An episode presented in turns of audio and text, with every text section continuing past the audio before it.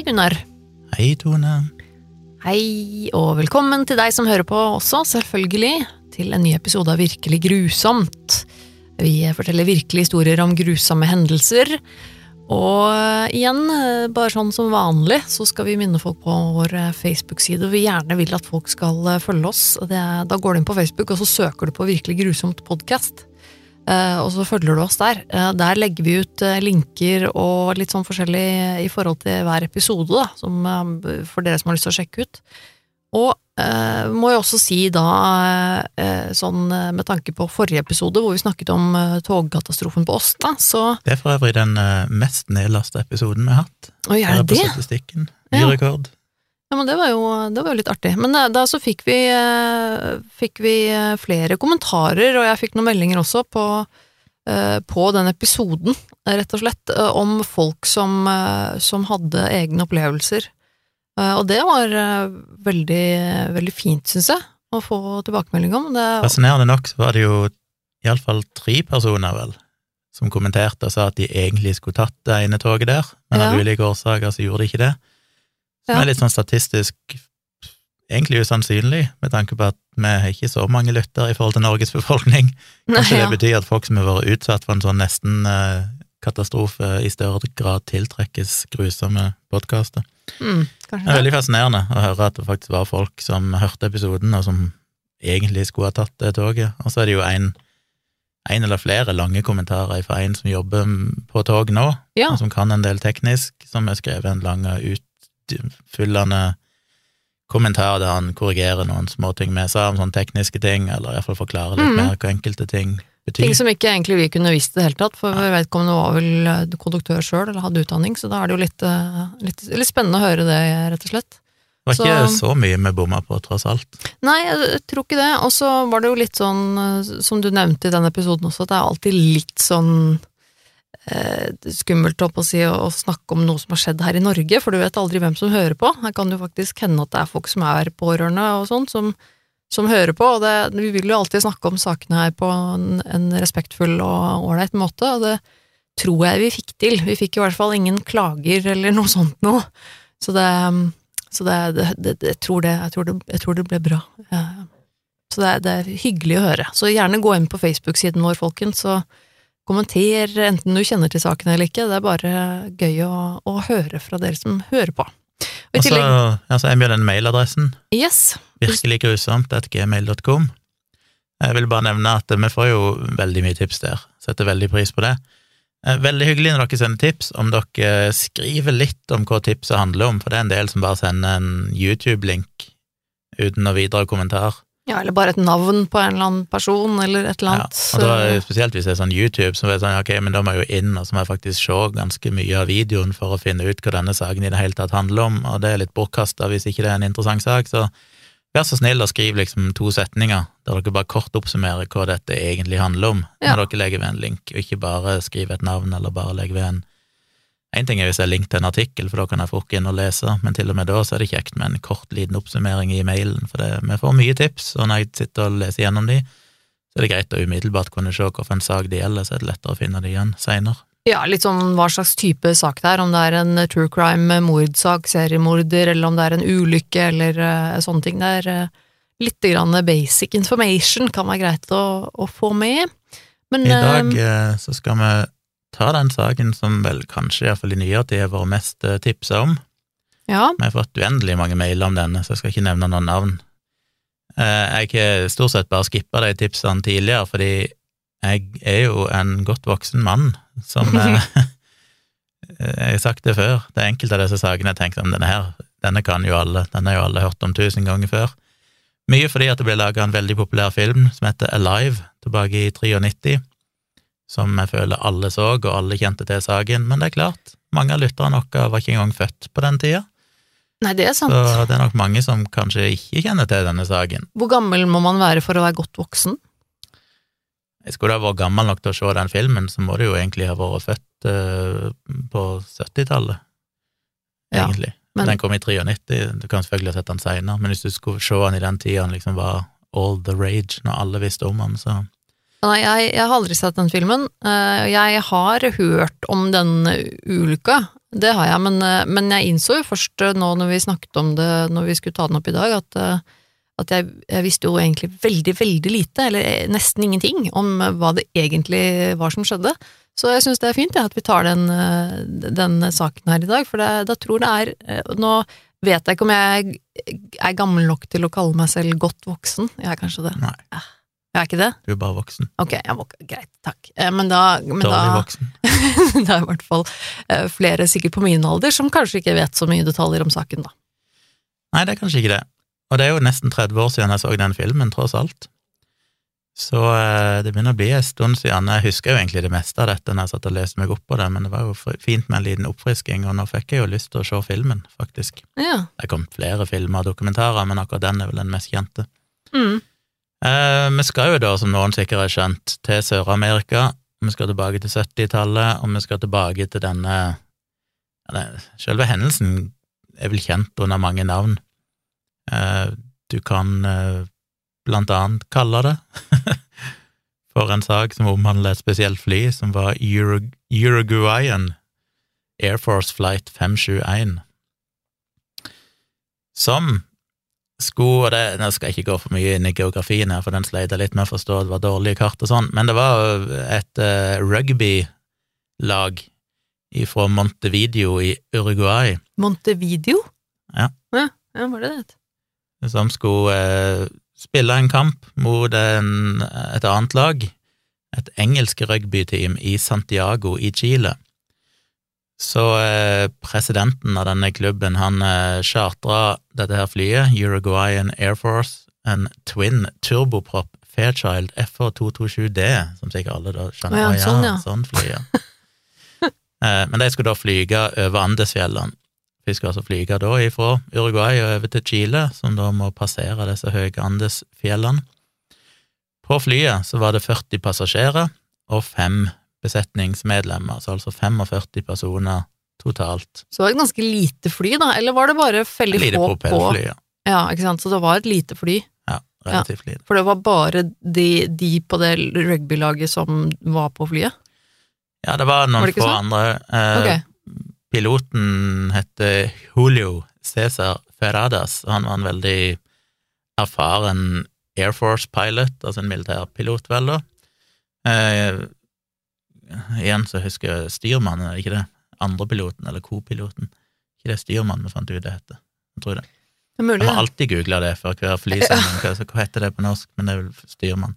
Ja. Eh, han heter Dante Hector Laguara. Det var ti seter til overs. Det betyr vel at det var et 50-seters fly. ja. Så det var 40 eh, i dette rugbylaget og nei, de som hørte til rugbylaget. Men det var noen av disse på laget som inviterte noen venner og familie som kunne Ja. være med dem. Stemmer. Eh, for det er jo én person, vel, som i siste liten måtte avbestille, og da var det ei som het Graziela Mariani, som da betalte for å få den plassen som var til over, sånn at hun kunne reise til Chile, for hun skulle i dattera si sitt bryllup. Mm. Så dette flyet tok av fra Carasco International Airport den 12. oktober 1972.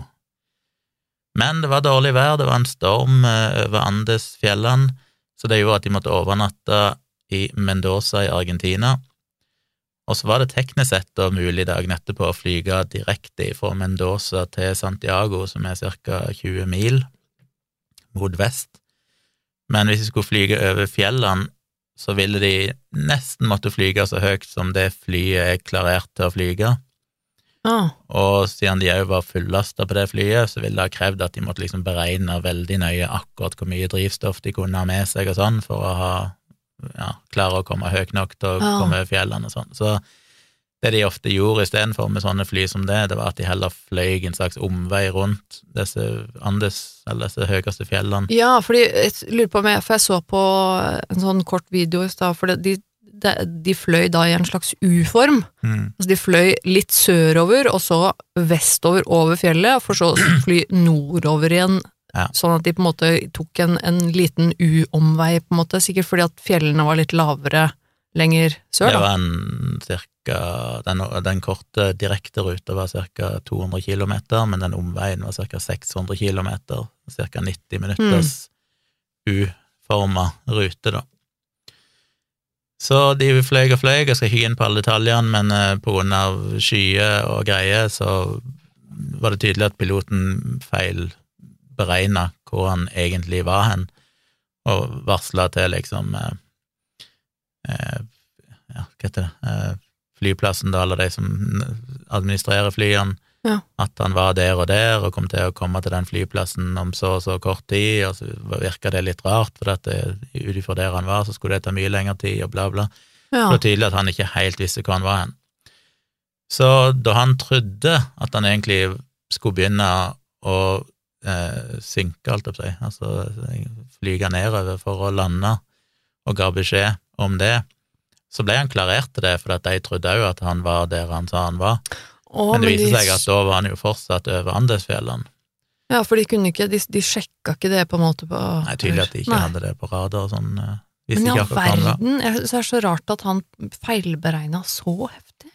Han hadde fløyet denne ruta, det sto 29 ganger før, ja. Så han hadde jo fløyet den noen ganger, men av en eller annen grunn det er vel lett å bli forvirra når du ikke har, har fri sikt og må stort sett ja, Noen mente at han navigerte et, kun etter instrumentene, mens andre sier at det var egentlig sånn radiosendere som beregner posisjonen, at det var det han baserte seg på. Så mm. hvorfor han feilberegna så, det vet vi ikke helt. Men det gikk jo ikke så bra, da, fordi eh, han eh, begynte å gå, altså synke nedover og så kom det en del turbulens, sikkert fordi det var ganske mye vind, det var jo dårlig vær rett over de fjellene, så når han nærma seg fjellene, så var det mye luftmasse som gikk opp og ned, så plutselig så traff de blant annet en sånn luftlomme, eller en sånn, hva heter det, der luftet går nedover, i hvert fall, ja.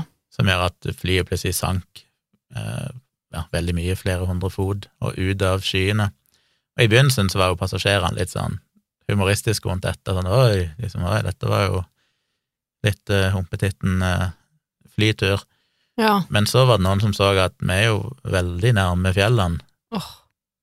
Og så var vel det omtrent det samme tidspunktet da når de ble dratt ned ut av skyene, at pilotene skjønte at oi, shit, vi har jo fjell foran oss, så vi må komme oss over.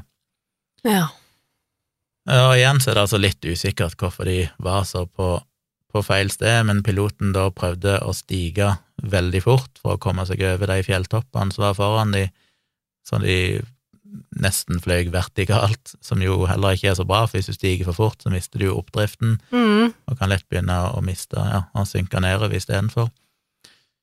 Og etter hvert som de nærma seg fjellene, da, så begynte jo alarmene i flyet som sier at du er veldig nærme bakken, å ringe, og da ble jo passasjerene selvfølgelig oppjaga, for det kunne de òg høre. Så piloten igjen kjørte på med maks motorkraft for å prøve å stige oppover så fort han kunne, men det funka ikke. Um, han klarte vel akkurat å få på en måte nesa over den første toppen, men bakre delen av flyet slo borti ja, et eller annet i fjellet, iallfall. Da ja. var de oppe i 4200 meters høyde. Så ja, altså de traff vel egentlig fjellet tre ganger totalt sett. Den første gangen så var det med, med halepartiet til flyet. Neste kollisjonen kutta egentlig av høyre vinger. Og Ja, for de mista halen først, var det ikke sånn? At den, den ja, der, når den streifa nedi Ja, å ja, unnskyld. Eh, og så Hvor var jeg nå? Ja, så reiv de av deler av, av uh, haleroret og alt mulig sånn i denne prosessen og etter hvert som den bakre delen da ble revet av i det første sammenstøtet, så tok de jo av seg òg bakre delen av hele skroget, som inkluderte to seterader bakerst, oh. som gjorde at i den kollisjonen, da, der de mista deler av halepartiet, så forsvant tre passasjerer eh, og to eh, i besetningen som falt ut av flyet, eller bare falt ned med den haleseksjonen. Mm. Men flyet fortsatte framover og oppover, selv om det hadde mista haleseksjonen, og steig fortsatt en 200 meter i noen sekunder, før da denne venstre vinga, altså traff, eller høyre vinga, traff jo og ble revet av, og så traff venstre vinga en del av fjellet i 4400 meters høyde og reiv av den vinga, og da var det jo en av propellene som skar gjennom skroget, ettersom den ble revet av vinga. Oh, ja. Og da falt det òg to passasjerer ut av bakdelen, for der var det jo bare et åpent hull nå, bak i flyet. Mm. Eh, den fremre delen av flyet, altså det som var igjen av flyet, da, nå sitter du egentlig igjen med et skrog som har fått mista halepartiet og kappa av mer eller mindre begge vingene, landa da og begynte å gli nedover en isbre i 350 km i timen, Å, fy søren. og forsvant nedover i 725 meter, før det til slutt kolliderte i en, ja, i en snøhaug. Og den kollisjonen var ganske kraftig, for når du kommer da i en fart på 350 km i timen, og plutselig bare stopper ganske brått, så ble jo setene sånn revet ut av, av gulvet og kasta framover og så videre. Eh, Selve krasjet knuste jo cockpiten, Mm. sånn at eh, han hovedpiloten, han Ferrada, så han døde momentant i den krasjen. Eh, de var altså 45 personer på flyet.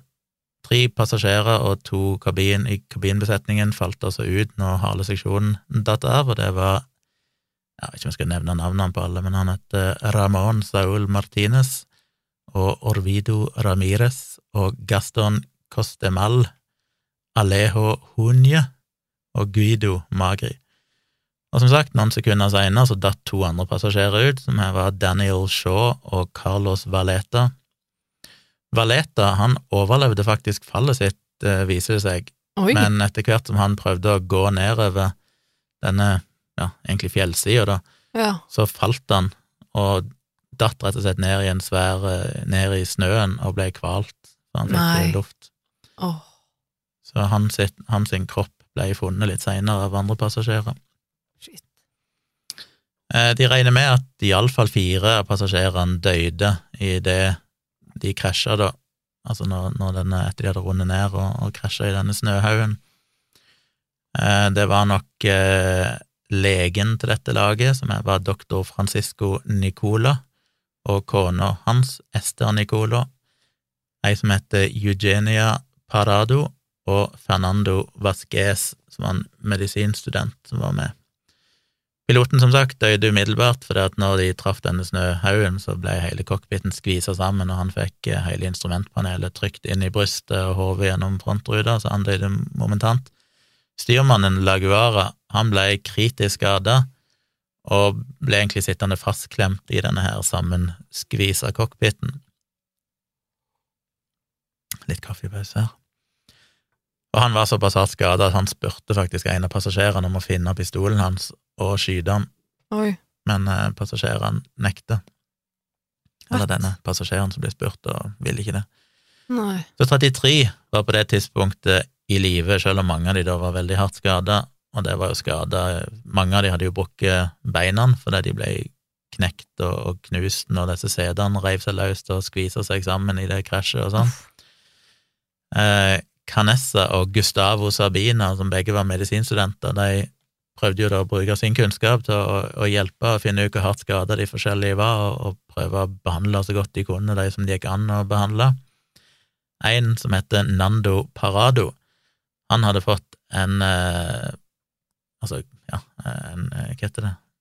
Altså knust skallen, eller fått et brudd i kraniebrudd, er vel det finere ordet Åh, og endte opp i koma i tre dager, men eh, våkna til slutt. En som heter Enrique Platero, han hadde en metallbit som var stukket inn i magen, og når de da skulle fjerne den, så drog de med seg en del centimeter av uh, tynntarmen. å nei. Men uh, han overlevde det, og ble jo med på å prøve å, å hjelpe andre passasjerer. Uff. En som heter Arturo Nogueiras, han hadde brukket begge beina flere plasser, og det endte opp med at ingen av de passasjerene som hadde komplekse beinbrudd, endte opp med å overleve, så de døde til slutt, da, Ja. litt Det- gradvis. Det er vel Så- sikkert mye, mye indre blødninger og sikkert en del infeksjoner og, og traumer og sånne ting på kroppen, ja. Blir... Dette var jo da, man må huske, ja, det var vel kanskje 13. oktober, for de tok vel av 12. oktober, og så overnatta de en natt i Argentina. Så 13. oktober vel skjedde vel denne flykrasjet, så vi er altså i midten av oktober. Ja. De begynte jo ganske fort, så, så skjønte de at noe var skjedd, sånn at eh, ja, altså folk på, som forventet flyet Ja. på bakken, ja. Så det chilenske flyvåpenet og sånn redningsselskap og sånn, de ble varsla innen en time at dette flyet nå var forsvunnet. Og fire fly tok av for å prøve å lete, og lete helt til det ble mørkt. Etter hvert så kom nyheten til uruguayanske Uru, Uruguay Uruguay Uruguay Uruguay Urugu, Ja, hva heter det? Uruguayanske Et eller annet. Ja. Media eh, på kvelden. Og da begynte de å snakke om dette på radioen og sånn, og skjønte fort at eh, dette flyet måtte nok ha Ja, de begynte vel å prøve å finne ut hvor det hadde, hvor det hadde krasja, og fant ut de måtte vel ha krasja i en av de mest fjerne og ut, utilgjengelige områdene i Andesfjellene. Så de tok kontakt med noe som heter for The Andes Rescue Group of Chile, og bare, ja, så det var mange som prøvde å leide. De Mm. Dagen etterpå så fløy de òg, og holdt vel på i hvor lenge var det, tre dager eller noe sånt, og leide før de til slutt offisielt ga opp og sa at de fant de ikke. De som hadde overlevd og var på bakken, de prøvde jo å varsle. De brukte blant annet eh, noe leppestift og prøvde å skrive SOS på flytaket, men Å, ja. fort at de hadde ikke nok eh, til å skrive de store nok og fylle de nok bokstaver til at det ville være synlig. De bygde òg et kors på snøen ved å bruke bagasje, Mm. men det var ingen av disse flyene som fløy over fjellene der, som noen gang så de, selv om passasjerene på bakken så tre fly som fløy over, så det var oh, redningsfly som fløy i det rette området, men det var ingen av de som så de, og det er ikke så rart, for det var stort sett bare hvitt av snø, Mm. og flyet er hvitt, Flyet er også hvitt, ja. så det er ikke så lett ifra en stor høyde å se, se noen ting der nede. Nei, det er jo ikke det. Om du tenkte det må være så grusomt Altså, når du har En ting er liksom å krasje med det her flyet. Når du overlever krasjet, så tenker du liksom kanskje at oi, shit, ja, men det kommer vel kanskje noe og redder noen og oss etter hvert, liksom, og så, så ser du at det kommer noe fly og sånn, og så, og så ser de ikke deg. Altså sånn, du står der og liksom, hallo, hallo, eh, og så er det ingen som som Ah, fy fader. Jeg sa tre dager, de, de leide lenger, da de leide helt fram til 21. oktober, altså basically ei uke. Ja. eh, før de til slutt ga opp. Da hadde de søkt i 142 timer og 30 minutter og fant ut at det er ikke noe håp om å finne de. Så dette er jo på den sørlige halvkule, så årstiden er jo snudd rundt. Så på Ja. den tida så var jo, eller der er jo på en måte våren i desember. Så de ville egentlig tenkte at vi forventa til desember, når snøen har smelta i ganske stor grad, og så heller da se om vi kan finne likene til, å finne liksom flystyrten og likene, men de hadde jo egentlig gitt opp å finne noen som var ja. overlevende, for de så for seg at det var lettere når det var, ja, som sagt, smelta. Ja, og jeg skjønner jo at de antok at, at Ja. de ikke overlevde det. Altså det at et fly på en måte bare styrter og krasjer i et fjell, det er jo Det er jo, det er jo ganske sannsynlig på en måte å tenke at nei, det, det flyet det gikk bare opp i tusen biter, og her er det ingen overlevende, vi klarer ikke å finne dem. Det er på en måte ikke helt altså jeg, skjønner jo, jeg skjønner jo det, pluss at det må være ja, utrolig vanskelig å lete, da. Når, som du sier, alt er, alt er hvitt, det er snø på fjellet, og og det må være Men det er jo fascinerende at dette er jo en flystyrt, men de styrte på en måte oppover, sånn at det, Ja, det var jo egentlig aldri noen styrt, det var jo mer som at de fløy opp og akkurat kom seg over kanten, og så bare datt de ned på bakken, så ja, selve styrten drepte jo ikke noen mennesker. Det var kun de som datt av fra Mm. halen, eller de som datt ut eller ble drept når halen ble brukket av, og når de faktisk da flyet stoppa etter å ha sklidd ned fjellskråninga i, mm, i nesten en kilometer. Men det er litt fascinerende at du kan liksom selve fallet til bakken var jo ganske lite, egentlig. Men det var vel da 33 som hadde overlevd. I løpet av den første natta så døde fem personer til. Da døde han styrmannen Laguara, som var hardt skada. Francisco Abal, Graziella Mariani, var det hun som hadde kjøpt den ekstra billetten? å oh, Ja. Eh, tror ikke du sa navnet på de her tidligere. Jeg tror jeg nevnte jo, Graziella Mariani. Det var hun som hadde kjøpt den ekstra Ja. billetten for å komme til bryllupet til dattera si, men hun døde den første natta. Felipe Macuirain og Julio Martinez Lamas. Så fem andre døde. Da var de nede i 28 som levde. Mm. Så nå skulle de overleve oppi dette kaoset. Det var jo dritkaldt der oppe, minusgrader, eh, snø i alle retninger. Så de måtte jo prøve å finne beskyttelse. Selvfølgelig hadde de jo da flyskroget, Så det de gjorde, var at de fjerna alle disse setene som var knekt av og sånn, og prøvde å fjerne bagasje og alt annet som var i, i dette skroget, og prøvde å lage det sånn lite lite, ja, lite hus, holdt jeg på å si, inn i, i skroget der de kunne Mm. Bo. Det er klart, det er jo kjempeviktig. Da får du i hvert fall beskyttelse mot uh, vær og vind, og Ja. du får, får ly, liksom. Så det er jo De helt fikk laga seg et lite rom på ca. 2,5 ganger 3 meter, der de 28 menneskene som var i live, da pressa seg inn. Og så brukte de bagasje og avbukne seter og snø og sånn for å, å lage en vegg i åpningen for å liksom stenge av den, sånn at de kunne improvisere en liten sånn skjerma hull de kunne være inni. Jeg så også på den, eh, denne lille filmen, og nevnte de også at eh, de visstnok hadde funnet en radio i, i liksom blant tingene etter, etter at det hadde, flyet hadde styrta, så de hadde visst eh, klart å på en måte høre på radioen at, at myndighetene offisielt ga opp søket. Ja. Og det også må jo være helt knusende, altså. De hadde jo rikelig tilgang på vann i den forstand at det var jo omgitt av snø overalt. Mm, Og han ene som heter Fito Strauch, han fant en smart måte da, å ta noe metall og sånn, og ifra flyet, plassere snø på det, og så bruke solet til å smelte det, og så drypte det ned i tomme vinflasker som de samla vann i, da. Ah ja, smart. For å unngå å bli snøblinde, som jo er veldig, veldig smertefullt og ubehagelig og veldig stor risiko for når du står der oppe og kontinuerlig blir bombardert av veldig skarpt lys og UV-stråling, Mm. så lagde òg han noen solbriller som ble laga av Jeg tror det er noen sånn solskjermer inn i, cockpiten.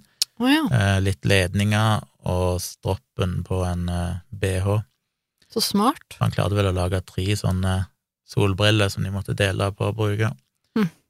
De fjerna òg dekselet på setene, altså trekkene på setene, som delvis var laga av ull, og Mm. skulle da bruke det til en slags, ja, egentlig bare til å beskytte seg mot kulda, og så brukte de òg putene på setene som snøsko, så de, de skar jo opp og, og prøvde å stroppe ting fast på seg, og, og lagde og improviserte da litt sånn beskyttelse og klede.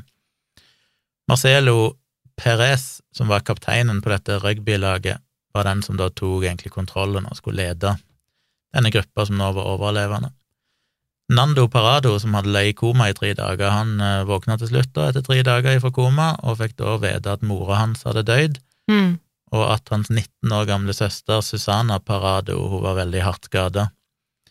Han prøvde jo alt han kunne å liksom holde liv i henne, men hun døde på den åttende dagen. Ja, det er ganske trist. Han, han fikk liksom med seg både moren og søsteren, da, men, Mm. men da det nesten, Du skulle, jo ikke vært med, da hadde du jo på en måte ikke dødd. Åh, det er litt trist. Men, men jeg leste, eller jeg så også, han kommenterte i den eh, korte filmen som vi skal linke til, så er det jo intervju med han, blant annet. Han sa det at eh, eh, det som hadde skjedd med han, var som du sa, at han hadde slått hodet sitt under, under krasjlandingen og havnet i koma fordi han hadde fått et brudd på skallen. Uh, og visstnok, hvis dette her er faktisk stemmer, så er det jo helt, helt utrolig, for visstnok eneste måten, altså det som gjorde at han overlevde, eh, det var at de, da, etter at de hadde krasjet, så trodde de andre at han var død, for han var jo livløs, han hadde jo havnet i et, et koma. Så de hadde lagt han eh, nærmere utgangen, eller altså på en måte hullet i skroget, sammen med flere andre døde kropper, eh, hvor hans hode hadde blitt liggende på snøen, eh, og derfor blitt nedkjølt og hindret hjernen i å, å hovne opp for mye. Ja. Så, så, så, så, hjernen, så altså, hodet hans hadde blitt kjø, nedkjølt såpass mye at det hadde vært, vi- visstnok da vært en en, eller egentlig kanskje hovedgrunnen til at han faktisk overlevde eh, det smellet og det, det kraniebruddet og det komaet, at han, at han faktisk, det var bare utrolig fascinerende. Så han mm. våkna jo da, etter som du sa, tre dager, og nei, det var bare helt, helt utrolig. Så nå var de 27 igjen som levde, og det var ikke lett å leve der oppe, for det på nettene så ble det så mye som minus 30 grader. Ja. Og dette var jo folk som hadde vokst opp egentlig i tropiske områder, de hadde levd, bodd, stort sett vokst opp langs sjøen. Noen av de hadde aldri sett snø før, Mm. ingen av de hadde noen erfaring med å være oppe i, i høyden.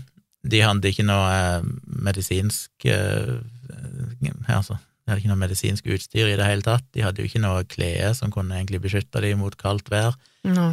De hadde jo ingenting av utstyr generelt sett. De hadde jo egentlig heller ikke noen mat, og det eneste de hadde da, var disse tre improviserte solbrillene som kunne iallfall beskytte dem mot snøblindhet. Mm. Og som du sa, så fant de jo da en liten transistorradio eh, som var ja, i alt dette skrotet etter CD-ene som hadde blitt knust og sånn.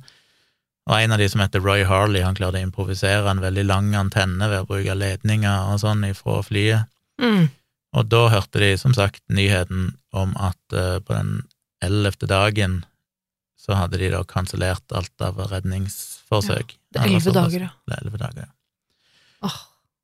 Og da ble de jo ganske så deprimerte, og det er sånn lite utdrag fra en artikkel her om hvordan de reagerte på det, Oi. med at de egentlig bare Jeg skal ikke lese alt, det står på engelsk her, men, men det var litt fascinerende at han ene, når han hørte det, han ble sittende og, og kikke, han satt vel i åpningen av dette flyet og så på alle disse folkene som var så deppa nå, for de hadde hørt at redningsaksjonen var blitt avblåst, og så roper han plutselig til dem at hei, gutter, det er gode nyheter.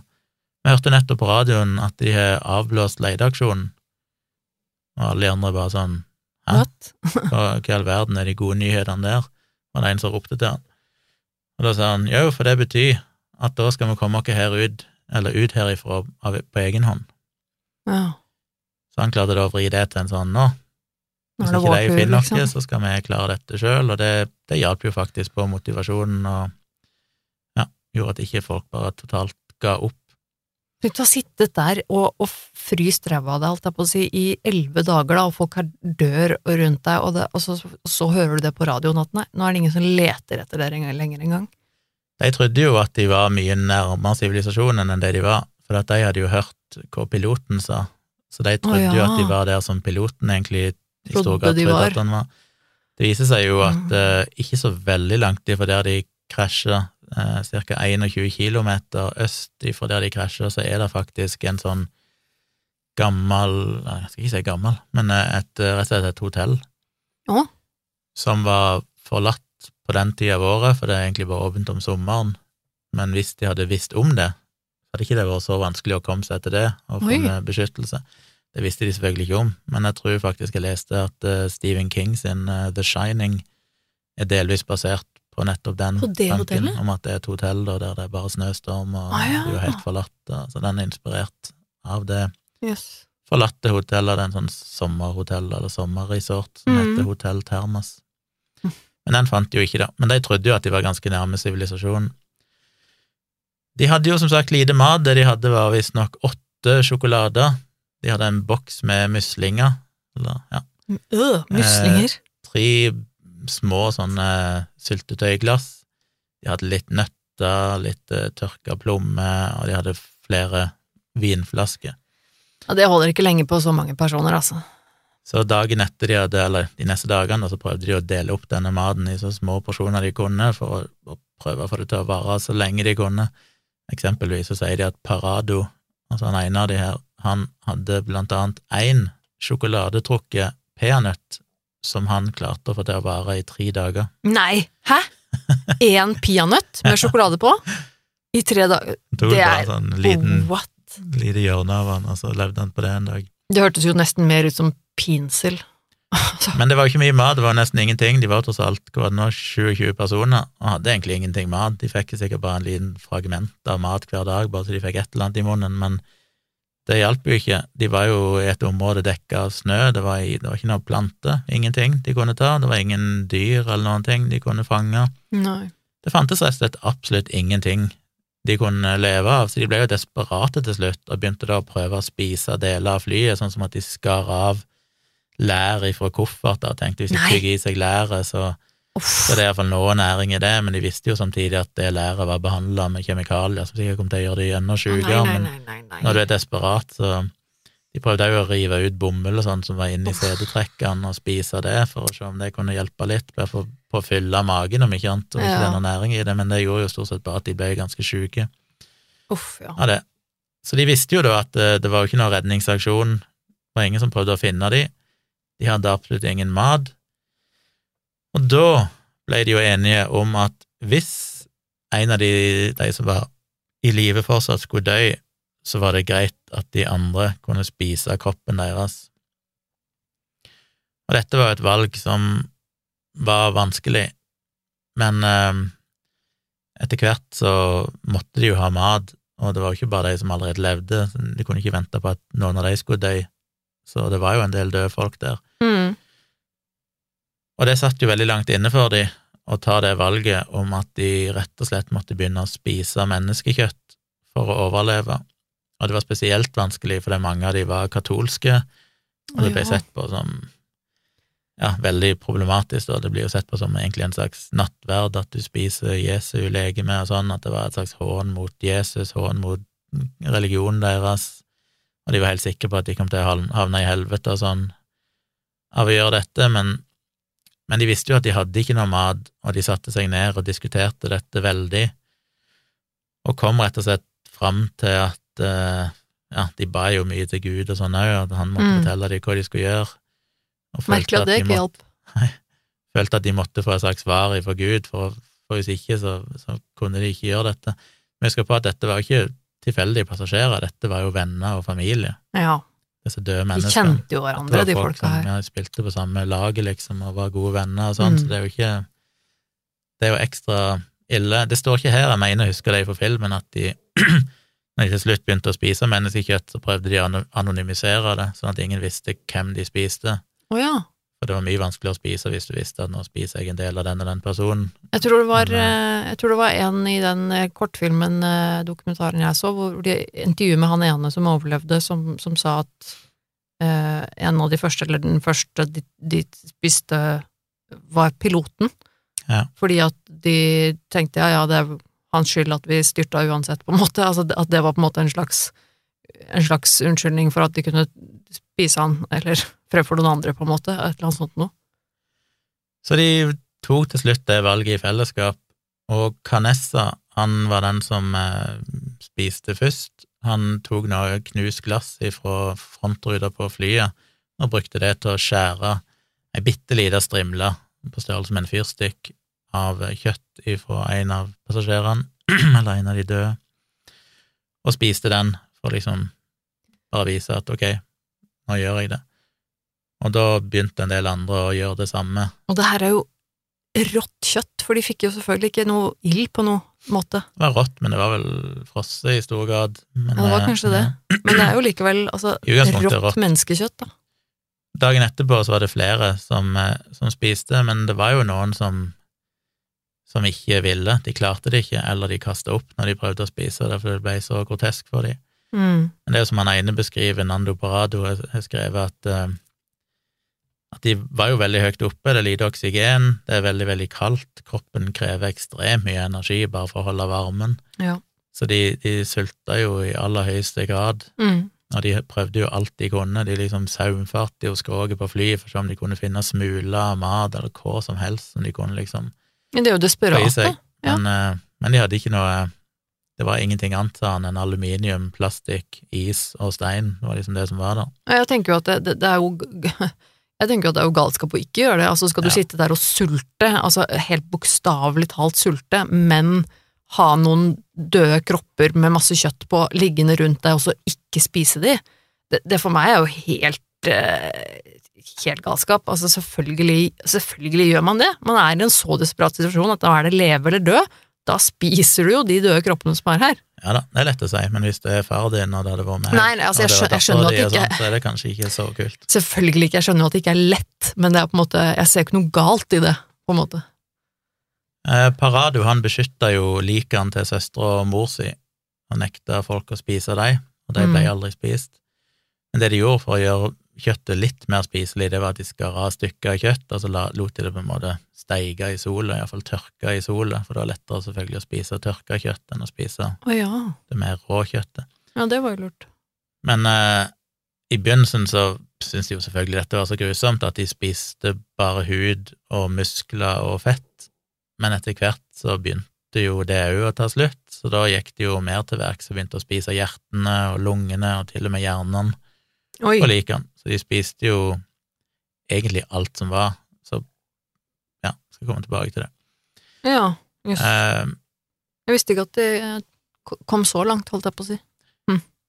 så de hadde det jo vanskelig, spesielt av religionen, men det var noen som fant trøst i et bibelvers som heter i Johannes 15, 13, der det står No man hath greater love than this, that he lay down his life for his friends. Ja, Og det følte de var en sak sånn, ok, det rettferdiggjorde en viss grad, det å spise vennene sine hvis det kunne redde livet deres. Eh, Så det var jo en del som fortsatt venta noen dager og ikke klarte å spise, men til slutt så hadde de egentlig ikke noe valg og endra mening og og begynte å spise. ja. Den siste som eh, endte opp med å spise, var visstnok eh, Liliana, kona til en som heter Javier Metol, altså Liliana Metol, som var den eneste kvinnelige overlevende. Og hun var visstnok den siste som til slutt ga etter og spiste menneskekjøtt. Og hun var venta spesielt lenge fordi hun var visstnok veldig, veldig sterkt religiøs, og klarte bare til slutt å spise når de klarte å overbevise henne om at må, hun måtte se på dette som en slags nattverd, mm. rett og slett.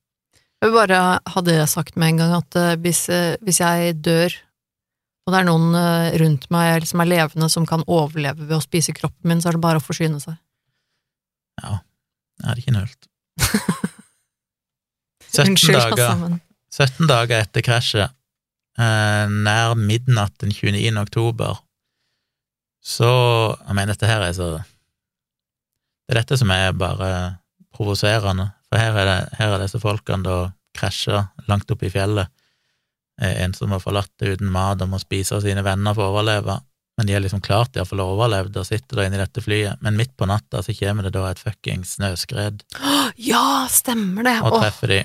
Så mens de sover inni dette flyet, så kommer det plutselig et gigantisk snøras og treffer flyskroget og fyller det egentlig opp og dekker det med snø og dreper da åtte personer i løpet av natta. Enrico Platero, Mm. Liliana Metol, altså hun siste som ville spise menneskekjøtt, Gustavo Nikolic, Daniel Maspons, Juan Menendez, Diego Storm, Carlos Rock og Marcelo Perez.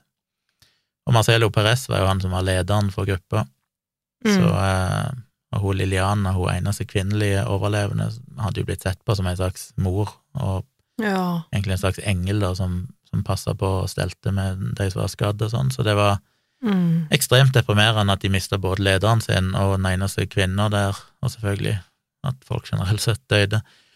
Men de endte jo da opp med å Altså, dette her flyskroget ble jo helt fylt opp av snø, så det var bare én meter igjen inni, altså mellom taket og der de lå, som ikke var fylt av snø, og de satt jo fast inni der Mm. og begynte å gå tom for oksygen. Men Nando Parado han klarte å finne en metallpåle eh, fra en av bagasje... Nei, et eller annet. Eh, Mm. bagasje... Hva heter det? Bagasje... Bagasjehylla, hylla, liksom? Hva er det? Ja, hylla, et eller annet. Ja. Og klarte da å lage et hull i taket, så ja. det kom inn litt luft. Og så på morgenen ja, faktisk to dager etterpå, så jeg lå der inne ganske lenge, for dette skjedde natt til Ja, nei, kanskje det var dagen etterpå, de bare sier dette skjedde rett før midnatt 29. oktober, ja. Å ja, sånn ja. Midt på Altså, midt på Altså, Altså, de lå der inne iallfall et døgn, så jeg skjønner. ja, og da er det jo morgenen etter det igjen, etter de hadde leid der et døgn, så klarte de å, å, å, å grave en tunnel da, ut av flyet. Men da de endelig kom seg til overflata av snøen, så var det jo en vanvittig snøstorm der ute som gjorde at de måtte bare trekke inn igjen i flyet og være der. Så der var de i tre dager i dette bitte lille rommet, og hadde nesten ikke noe plass. De hadde bare en meter mellom snøen og taket, så de satt jo bare liggende eller sammenkrøpne inni der i tre dager, sammen med de åtte likene, da Ja. åtte døde personene. Men det betydde jo òg at til slutt så begynte de å spise de òg, de Ja. døde personene som lå inne i flyet med de. Og det sier jo han ene, han Prando, han sier at det var ekstremt ekkelt, for det var liksom mykt og fettete, og det var blodig, og Ferskt, liksom, rett og slett. Ja. de, eh, de gagga jo ganske hardt når de prøvde, når de liksom putta dette kjøttet i munnen og At de spise det. opp og sånn, ja. Det er jo lettere å spise det som var på utsida, for det var frosset, for det første, og de kunne òg da tørke det i sola, iallfall før de spiste det, men det å spise rått kjøtt Altså, som var ja, liksom så helt sånn ferskt. ja, Åh, Det var ganske grotesk. ja, det skjønner jeg. Etter at han Perez nå var død, så var det to søskenbarn, Eduardo og Fito Strauch, Strauch og en som heter Daniel Fernandez, som da valgte å ta ledelsen. Og de Hvor mange er det igjen nå? Nå er det vel 19 personer? Ja, 18-19 Ja, ja ok, så det er, Igjen. det er for fortsatt en, en del igjen. Ja. Ja. Så de tok over ansvar da med å, å liksom høste kjøtt fra de døde kroppene Mm. og distribuere det til de andre. Og før dette her eh, snøskredet skjedde, så hadde de jo diskutert selvfølgelig hvordan skal vi komme oss vekk, vekk ifra her, Mm. og en del av de hadde jo funnet ut at den eneste måten er at vi rett og slett må, må liksom klatre over fjellene for å komme oss til hjelp. Men Ja. de trodde jo at det bare var noen få kilometer vestover før de kom til liksom Chile og ja, og ned der det ikke var snø lenger. I realiteten så var det jo veldig mye lenger vekke enn det, mange, mange mil vekke fra kanten av fjellene, holdt jeg på å si. Mm. Så de eh, lå egentlig dårlig an. Men ja eh, Så de, de holdt seg jo stort sett med flyet i ganske lang tid. De prøvde jo i de første ukene å liksom gå kortere ekspedisjoner vekk fra flyet, men på grunn av at de både Altså, de var jo høyt oppe, så de sleit jo med sånn høydesyke, de var dehydrerte, de sleit med snøblindhet, de var veldig, veldig underernærte, og det var jo altfor kaldt på nettene til å overleve, Mm. så de kunne egentlig bare ta dagsturer, de kunne ikke liksom reise og overnatte noen annen plass enn det at de kunne komme seg inn igjen i flyet og sove der sammen med de andre, så de hadde kroppsvarmen ifra de andre og sånn til å holde seg i live. Så derfor kom de seg liksom aldri vekk ifra flyet, de måtte liksom bare holde seg der. Men til slutt så fant de ut at vi er nødt til å gjøre noe. Så det var noen av de som overlevde, som fant ut at ok, vi skal reise ut på en ekspedisjon her for å se om vi kan finne hjelp. Tilkalle hjelp.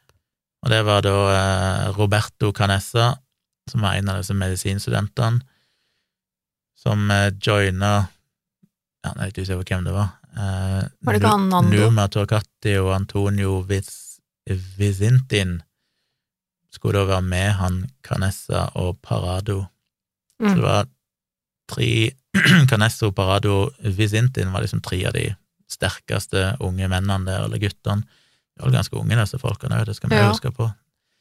Um, så de fikk, ble liksom skjerma da i ganske lang tid, da de egentlig slapp å gjøre noen ting, for de skulle bare sitte og samle styrke og få mat og liksom få energi til å ta denne turen, da, så det var alle de andre sørga for å gjøre liksom det som måtte gjøres for å holde ting i gang. Mm. Eh, Men de klarte da, Canesso klarte å overbevise de andre om at de skulle vente i sju dager for at det skulle bli litt varmere, for nå var vi jo Nå, nå var det jo ute i november, Ja. og det begynte jo å nærme seg en slags vår og snøsmelting og sånn. Så de håpte jo egentlig å gå mot vest og da komme til Chile, men rett vest så var det et veldig høyt fjell som gjorde at eh, de tenkte det klarer vi ikke å klatre over, så istedenfor så gikk de mot øst og håpte at når de hadde gått mot øst en stund, så ville det på en måte denne dalen de gikk i snu i en sånn U-sving og lede de vestover mot Chile til slutt. Så den 15. november, da de altså vært der oppe i omtrent eh, litt over en måned, Ja. så gikk de mange timer østover, disse tre personene, Canesso, Parado og Vizintin, og etter de hadde gått ikke så veldig langt, 1,6 kilometer, og litt ned i skråningen, så fant de jo selvfølgelig da haleseksjonen på flyet. Oh, ja. Og inni denne haleseksjonen så fant de jo bagasje som inneholdt eh, en boks med sjokolade. De fant eh, tre sånne kjøttpaier eller et eller annet sånt. De fant en flaske med rom, de fant sigaretter, de fant mer klær, de fant tegneserier og litt medisin. Wow. Og de fant òg en sånn toveis radio i, som tilhørte flyet, da. Som de gjorde at de tenkte at å ja, nå kan vi jo tilkalle hjelp via denne radioen. Så de fant ut at de skulle overnatte inne i haleseksjonen. Så de klarte å lage et lite bål, og satt egentlig der og koste seg litt og leste tegneserier. Ja, det må jo være en veldig The lettelse. time of their Herregud. life. Ja. Jeg er litt spent på, det, vet, det kommer kanskje fram i filmen, eller det står ikke noe her, men om de klarte å styre seg for å spise alt sjøl, eller om de faktisk Jeg tipper de spiste det. til de andre. Nei, det vil jeg tro de spiste, altså. Eh, Neste morgen så fortsatte de å gå, men på den andre natta, som da ble den første natta de faktisk måtte sove under klar himmel, eller under åpen himmel, så frøys de nesten til døde.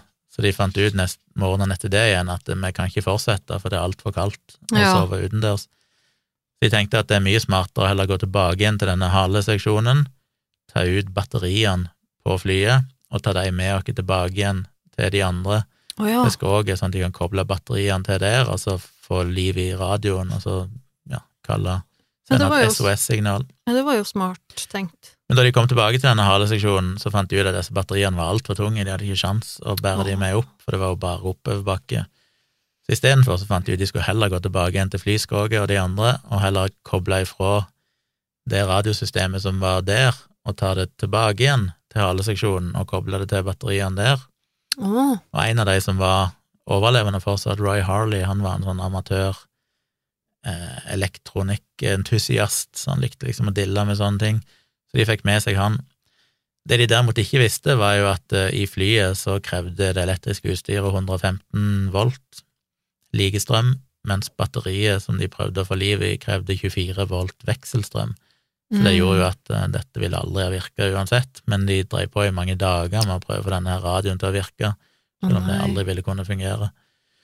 Og til slutt så ga de opp og, og reiste tilbake igjen til det skroget og til de andre overlevende, og sa at eh, ok, eneste måten å, å klare oss nå, det er at vi må rett og slett klatre over de fjellene mot vest. Mm.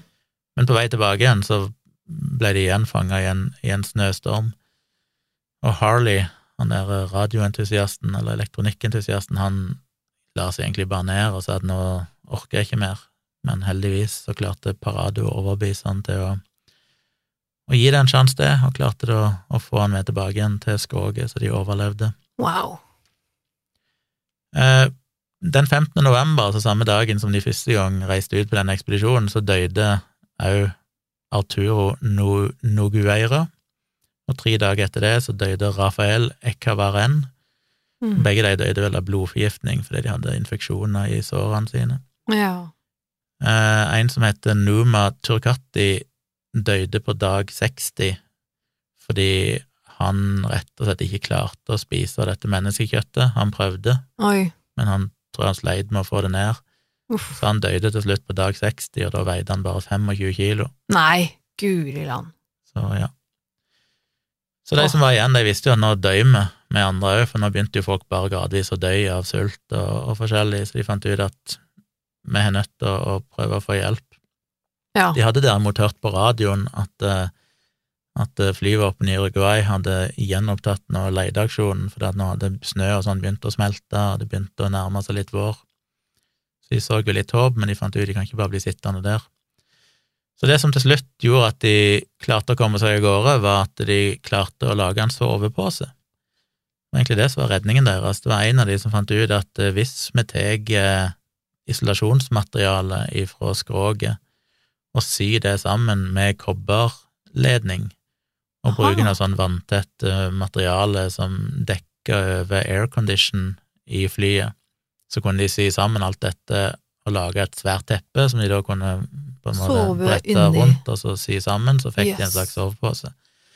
Så målet var rett og slett å lage en sovepose som var stor nok til å ha tre personer i, sånn at tre kunne legge seg inni og holde varmen sammen. Ja. Og hvis de klarte det, så kunne de komme seg av gårde, for det som hadde hindra de hele tida, var at de kom seg ikke gjennom en natt utendørs, og da ville de fryse i hjel. Så de måtte finne en måte liksom å overleve natta på, sånn at de kom, kunne, kom, kunne reise lenger enn bare ett døgn om gangen. Så Hm. det klarte de til slutt. Han ene hadde lært å sy av mor si og sånn, så de jobba litt, og han lærte de andre å sy, og de jobba litt med dette, og til slutt så klarte de å lage denne soveposen. Eh, men de sleit jo litt med å finne hvem som skulle reise. Han Canessa, som hadde vært med på den første ekspedisjonen, han var ikke helt villig. Han Parado mm, var jo en som de andre mente burde reise, for han var jo en av de sterke. Til slutt så klarte Parado å overbevise Canessa om å bli med han, og igjen så ble han Visintin med, så det var de samme tre mennene vel som hadde den første ja. ekspedisjonen som endte opp med å reise, og de begynte da til slutt å gå mot vest over dette store fjellet den 12. desember, så da hadde de altså vært der i to måneder. Tenk deg, to måneder! Det er bare helt Jeg husker sykt, at da er de altså. bare levd av vann og menneskekjøtt, det er jo basically en Jordan Peterson med- Ja, det er skikkelig Jordan Peterson-diett. Men det er jo bare det, altså det, det, er så, nei, det er så drøyt at det går nesten ikke an å skjønne engang. To måneder, liksom.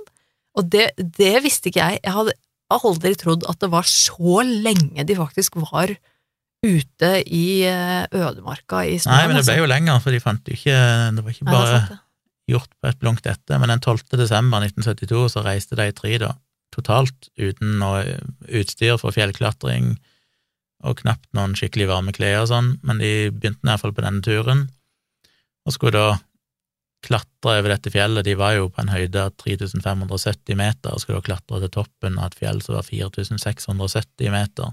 Uten utstyr og uten ja. klatreerfaring og faen meg. Så de gikk i mer enn ti dager og reiste mer enn seks mil for å prøve å finne, finne hjelp. De trodde jo sjøl, basert på høydemåleren i flyet, at de var på 2100 meter, men de var som sagt egentlig da på 3597 meter. Og de mm. trodde jo, basert på det de hadde hørt piloten si, at de var i nærheten av, av denne Curico som var mm, vel den flyplassen, tror jeg, da de skulle til. Oh, ja. mm. Så de trodde jo de var, som sagt, mye nærmere vestsida av Andesfjellene enn det de egentlig var.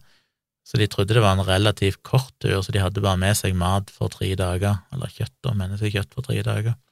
Han sa, illustrerte det i den, eh, i den, korte videoen som jeg så, han ene intervjua de, og så fortalte at når de begynte på den der eh, ekspedisjonen, at de gikk og gikk og gikk, og på en måte klarte å komme seg over en, en, et fjell, og klatra og styra hånda, og så kom de på en måte på toppen, og så kollapsa han jo helt, for da skjønte han jo at nei, men herregud, vi er jo ikke nærme noen ting, vi er jo midt i Andesfjellene, mm. midt ute i ødemarka, og der, det eneste de hadde med seg, var da eh, menneskekjøtt som de hadde pakka i noen sokker.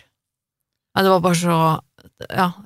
Altså, de hadde jo ikke noe eh, boblejakke og varme, varmedress og sånn, enn det de hadde for å varme seg. Og husk at dette var jo iskaldt. Ja. Parado, for eksempel, han hadde tre jeans oppå hverandre, og tre ja. gensere over en pologenser, eller poloskjorte.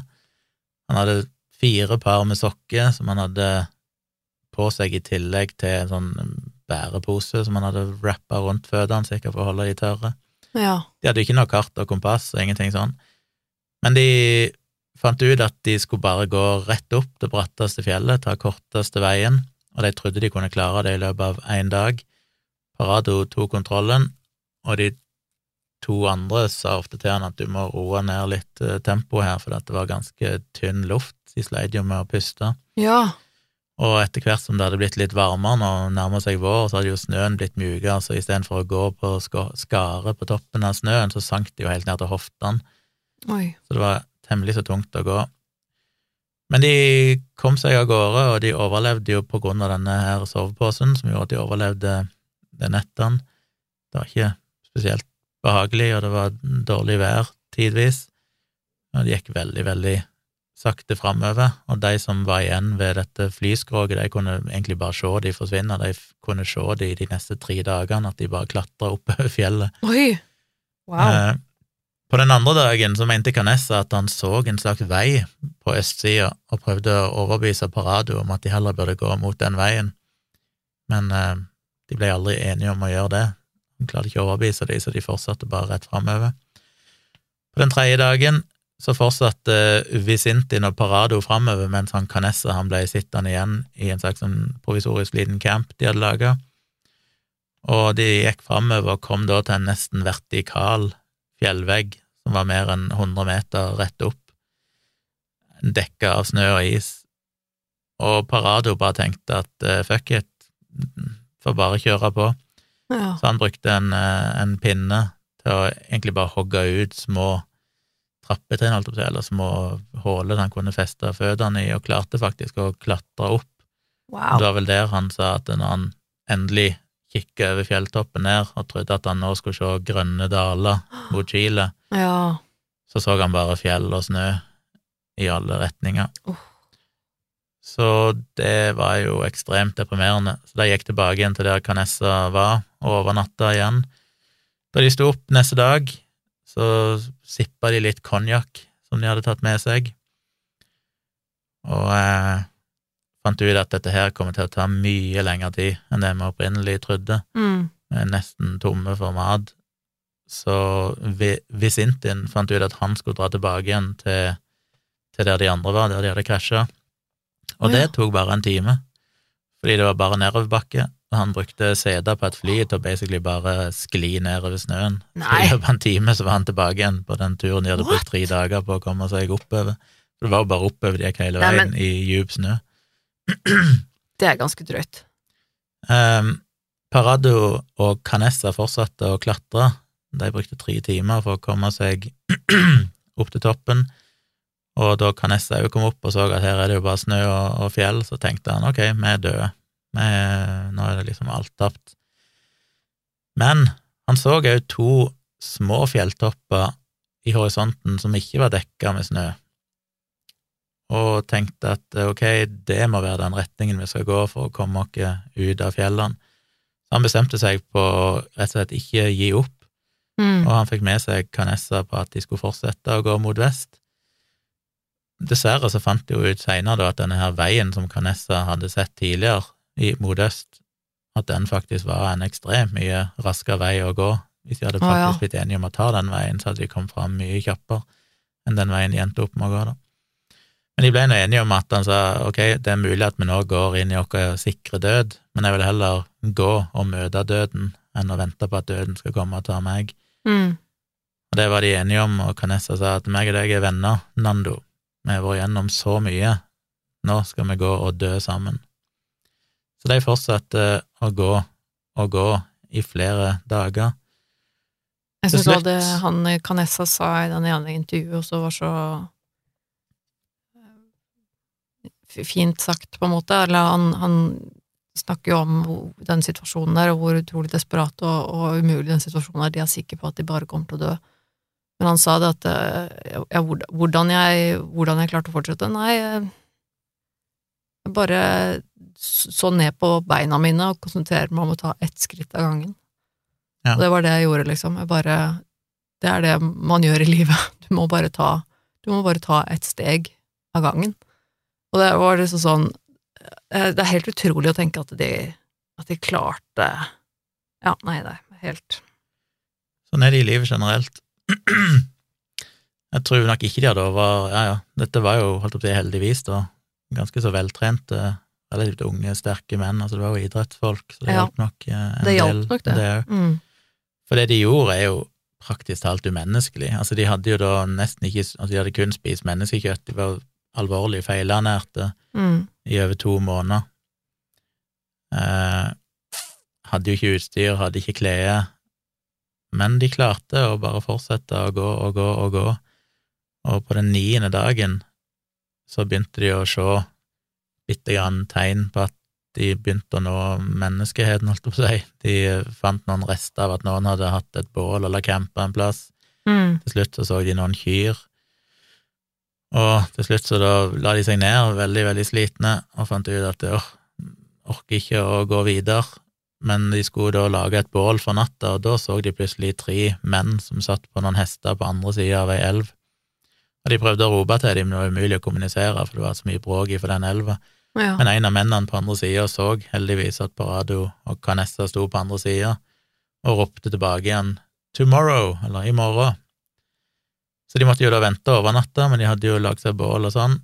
Men neste dag så kom denne mannen tilbake igjen, og da skribla ned eh, en lapp som han eh, festa fast til en blyant og en stein med litt tau, eller hyssing. Mm. Så kasta han det over elva til dem. Mm.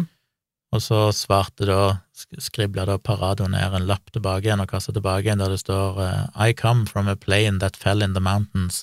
I am Urugu Uruguayan. We have been walking for ten days. I have a wounded friend up there. In the plane, there are still fourteen injured people. We have to get out from here quickly, and we don't know how. We don't have any food. We are mm. weak. When are you going to come to fetch us? Hmm. Please, mm. we cannot even walk. Where are we? Oh. Ja, så kort fortalt så, så leste han Sergio Catalan, som han heter, som var denne her, eh, egentlig ja, en chilensk bonde, for å kalle han det. Mm chilensk cowboy, eh, leste denne lappen, snakka med de to andre mennene, og en av de sa at han kunne huske at faren hadde nevnt noe om et fly som hadde falt ned i Andesfjellene. Oh, ja. men de kunne ikke forstå at disse menneskene fortsatt kunne være i live. Men han katalan kasta noe brød tilbake over elva til disse mennene, og så rei han på hesten sin i ti timer for å finne hjelp, og kom til slutt da til sivilisasjonen, for, for disse var fortsatt langt holdt på, ute i villmarka.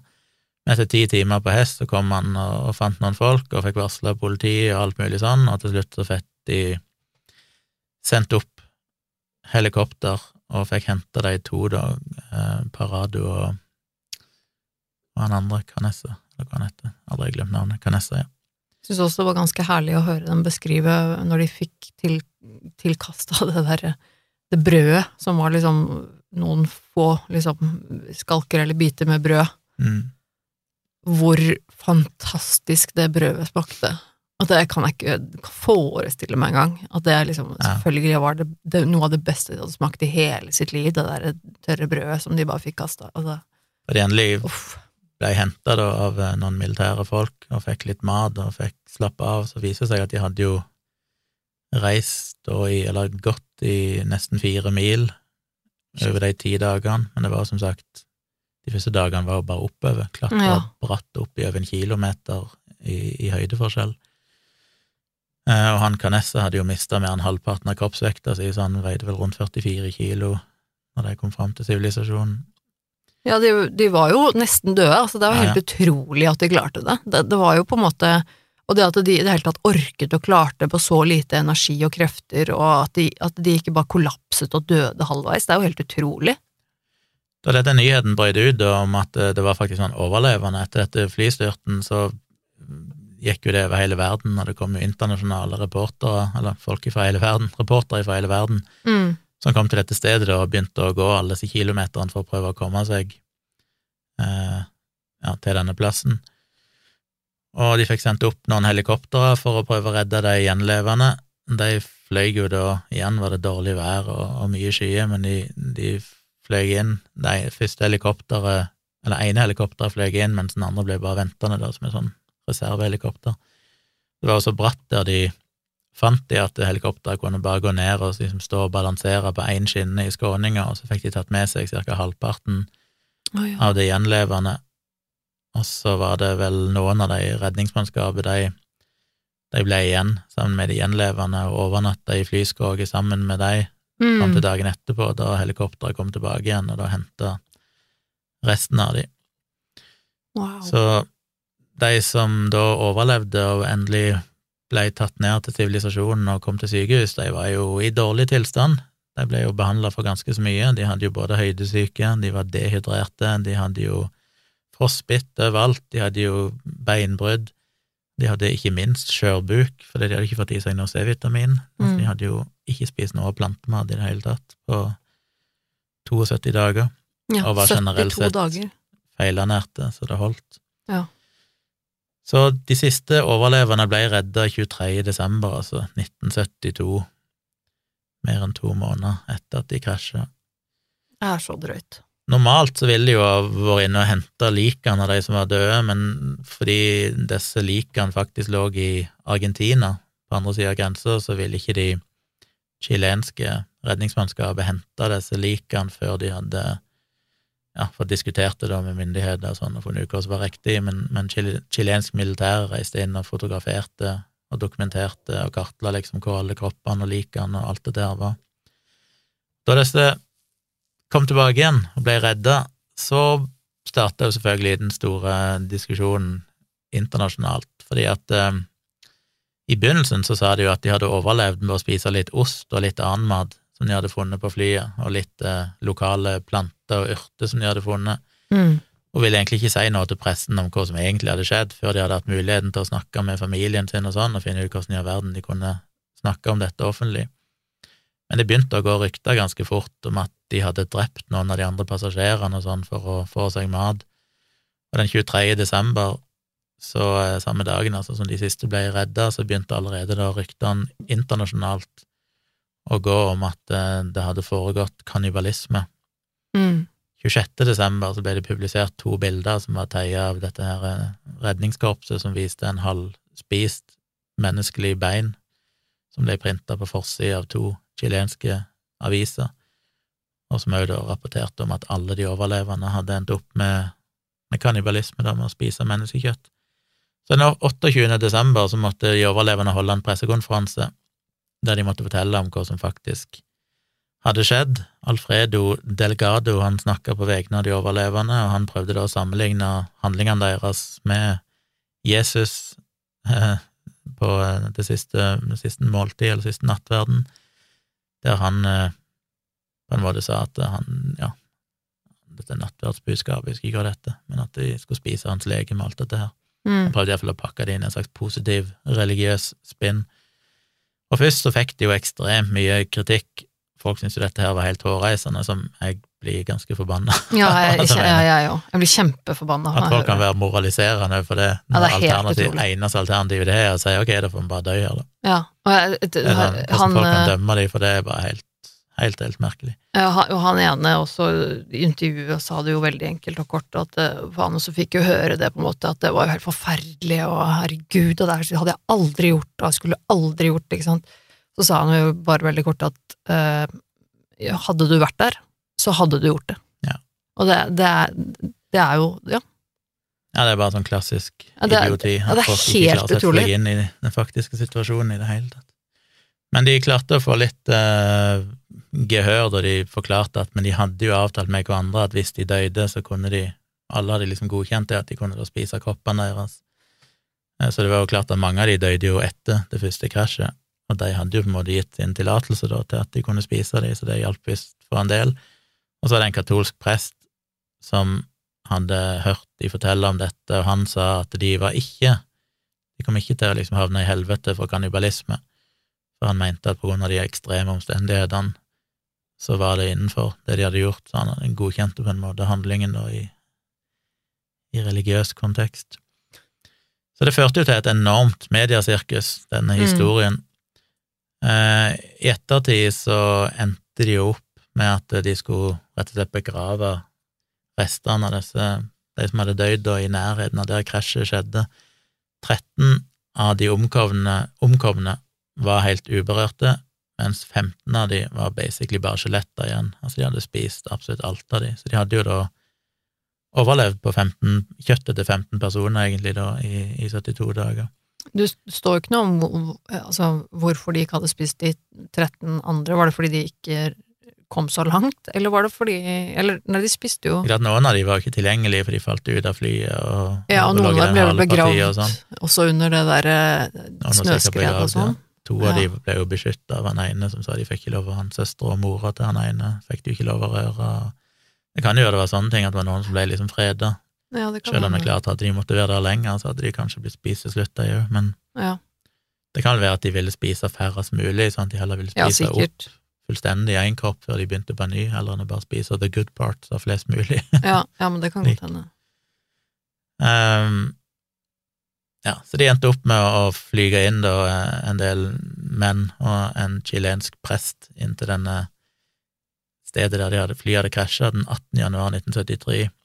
Um, ehm, ingen familiemedlemmer fikk lov å delta, men de endte opp med å, å grave en grav som var 400 ganger 800 meter Nei, 400 til 800 meter ifra skroget.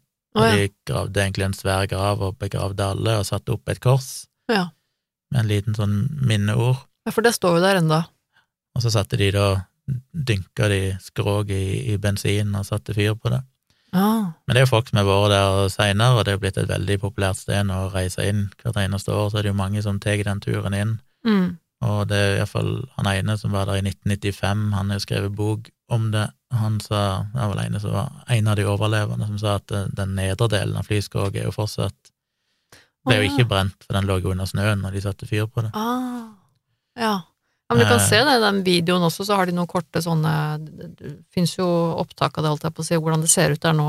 Ja. Og du kan jo også se, det er jo denne, dette korset, den minne, minnestatuen, holdt jeg på å si, minneskulpturen, hva heter det, minnestøtten? Er sånn plakett eller sånn ja. på en haug med steiner. Ja, eh, og der også kan du finne på en måte rester etter flyet, så ligger på en måte eh, holdt jeg på å si søppel. Altså rundt omkring der, sånne små sånne flydeler, altså at gjerne Altså, det er ganske sånn Ja, ganske absurd, egentlig. Faren tett et han hadde jo hørt rykter om at sønnen hans hadde sagt før han døde at han gjerne ville bli begravd hjemme. Mm. Men han fikk ikke tillatelse til å hente kroppen til sønnen der oppe, for det, de hadde jo blitt enige om at de skulle begraves der oppe. Men han endte opp med å rett og slett foreta en ekspedisjon sjøl. Han leide inn noen guider til å ta han med inn, og hadde avtalt på forhånd da med en av de prestene som reiste inn, eller med han presten som reiste inn for å begrave dem, om han skulle merke denne likposen som sønnen hans lå i, sånn sånn ja. at han kunne finne han han kom opp der. Så det gjorde han. Han kom tilbake igjen da til dette her eh, Hotell så det her eh, hotellet som de egentlig kunne ha gått til hvis Ja. de bare hadde visst om det. Men da han kom der, så ble han arrestert for eh, hva heter det, grav og røveri. Oi. Ja. Men det endte vel opp med at han eh, ble frikjent, at han fikk folk til å tale sin sak og sånt, så han fikk til slutt lov å begrave sønnen sin hjemme. Ja, jøss. Så for å ta en eh, kort oppsummering da, av timelinen her, de reiste jo 12. oktober fra Montevideo, overnatta jo i Mendoza i Argentina, men reiste derifra 13. oktober, og det var da de krasja. Og da døde jo fem personer i krasjet, sju av de forsvant jo, for de falt ut av flyet, så på det tidspunktet var de 33 overlevende. Mm. På dag to så døde ti personer til. Eh, sju var fortsatt eh, forsvunnet. Så da Nei, det var totalen. Det døde fem personer til, så da var ti døde. Så da var det 28 personer igjen, gjenlevende. På dag ni så døde søstera til han Fernando Parado. Mm. På dag tolv så fant de jo eh, kroppene som hadde falt ut av flyskroget, eller bakdelen, mener jeg, flyhalen. Så fant de dem. Dag 17 så var det denne her snøskredet som drepte åtte, så da var det totalt 24 døde, og kun to personer som var savna. Det var de to personene som datt ut av flyet rett før det krasja, som de aldri fant. Ja. Eller de fant de seinere, men eh, da var det 19 overlevende. På dag 34 så var det en som døde. På dag 37 så døde der en. På dag 60 så døde der en, og dette var de som døde av infeksjoner, og blodforgiftning og sånn. Mm. På dag 61 så reiste jo de tre da for å begynne å klatre over fjellene for å finne hjelp. På dag 62 så fant de den ene av de to som hadde falt ut av flyet før det krasja. På dag 63 så fant de den andre personen som hadde falt ut av flyet, så da var det ingen som var savna lenger. Det var Ja. altså da 16 overlevende. På dag 64 så reiser jo han Antonio Visintin tilbake igjen Ja. til flyskoget, Mm. mens de andre to fortsetter. På dag 69 så kommer endelig Parado og Canessa fram og finner han her eh, bonden, da, eller cowboyen Sergio Catalan. Mm. Og på dag 70, dagen etterpå, så blir de da til slutt redda ned, de to. På dag 71 så redder de de seks første med helikopter, og på dag 72, altså 23. desember, så får de redda de åtte siste. Så totalt sett så overlevde 16 personer, Mm. mens 29 personer døde. Det er ganske drøyt at så mange klarte å overleve det helvetet der, altså.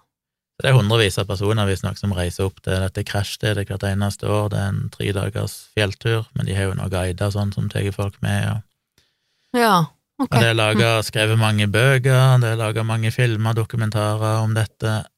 Eh, til og med skuespill og til og med musikk som er laga inspirert av denne hendelsen. Ja, det kan jeg skjønne. Ja. Det er jo en ekstremt spesiell historie om overlevelse. Eh, Og jeg må si jeg syns det er veldig bra at, eh, at vi tok denne historien her i dag, for som sagt så var det veldig, veldig lite om denne her jeg visste fra før av. Jeg har liksom hørt veldig sånn korte trekk i at de var noen som eh, For den refereres jo, den hendelsen her vet jeg at den, den refereres jo til stadig vekk på en måte i, i populærkultur, holdt jeg på å si. Ja. Dette med at de ble stuck i Andesfjellene og begynte å spise hverandre, men, men utover det så er det på en måte ikke så mye så veldig mye jeg visste om det, og jeg må si, dette er jo en, en historie som er virkelig verdt å, å fortelle. Eh, Det er jo en helt, helt utrolig fortelling om noen mennesker som klarte å presse seg gjennom de mest ekstreme situasjonene. Altså, det er eh, Og, og, og som du sa, det, det, gjør meg, det gjør meg så forbanna å høre om det når de, når de kom hjem, og så begynner folk å shame dem for at, ja. at de har spist å nei, kannibalisering, å oh, for grusomt, og Klart I starten altså, så gikk det jo rykte om at de faktisk hadde drept folk for å spise dem, og da kan jeg jo skjønne, hvis den feiloppfatningen verserte der ute, så var det kanskje litt større forståelse for at noen var forbanna. Men ja. det håper jeg jo til og med når de hadde forklart hva som skjedde, at de kun spiste likene til de som døde, og at de hadde liksom ja, blitt enige om å gjøre det, så var det jo fortsatt folk som syntes det var helt forferdelig. Ja, liksom, men, men, uansett om de hadde blitt enige om å gjøre det eller ikke, så tenker jeg bare sånn, men hva, hva spiller det for rolle? Altså, dette her er jo Dette er jo mennesker som er i dypeste desperasjon, som er på en måte på kanten Nei. av livet, og der ligger døde mennesker der. Eh, det er jo klart, hvis du er virkelig religiøs, jo, og jo, tenker det... at livet etter døden er viktigere enn, det livet vi har før døden, og tenke at du på en eller annen måte frarøver folk det livet etter døden eller et eller annet ved å spise liket der, altså det er sånne overtroiske holdninger som det. Jo, men så kan jeg på en måte i gåsehud forstå det, selv om det selvfølgelig kan... er basert på en totalt irrasjonell tenking i utgangspunktet. Ja, det er liksom sånne holdninger som jeg ikke kan respektere, egentlig, for det, det, det blir bare det blir, for, det blir for galt. Uh, jeg, jeg, må si at dette er jo på en måte en, en heltehistorie, på en måte, egentlig uten like. Det er jo helt utrolig. Eh, og de da som altså, Bare sitte i den situasjonen dag ut og dag inn og være så nærme døden, og så, og så er det ingen som leter, og du, du, må på en måte da bare Nei, ok, men da er det noen som må satse, da. Nå er det alt eller ingenting, og så må vi bare prøve å finne noen og be om hjelp, og da å klare å gå dag etter dag etter dag og bare kjempe seg gjennom det. Altså, det, er, det, det, går liksom ikke an å forestille seg egentlig hvordan, man, hvordan, det er å være i en sånn situasjon, å være så desperat at du spiser et, et menneske som er ferskt død, på en måte. Um, det, det, sier seg selv at det, det, er det ingen som gjør, med mindre man er absolutt helt nødt til det for å overleve. Det er liksom det er en utrolig fascinerende historie. Utrolig um, Ja, jeg, jeg, jeg, må si jeg, jeg syns det er Jeg er glad for at vi tok den historien her, for det er, den er Jeg tror det er liksom Ja, den er litt viktig å ikke, ikke glemme, egentlig. Ja. Du, vi må rangere den, da. Ja, det også syns jeg er vanskelig, for det, det, denne, denne er så den er veldig grusom, også med, med tanke på hva de har vært igjennom, disse menneskene her. For et helvete det har vært for dem å presse seg gjennom. Altså, eh, det er helt, helt hinsides at de i det hele tatt klarte å overleve. Og så lenge. Det er altså så helt sinnssykt. Eh, og det må være eh, ja, selvfølgelig helt forferdelig.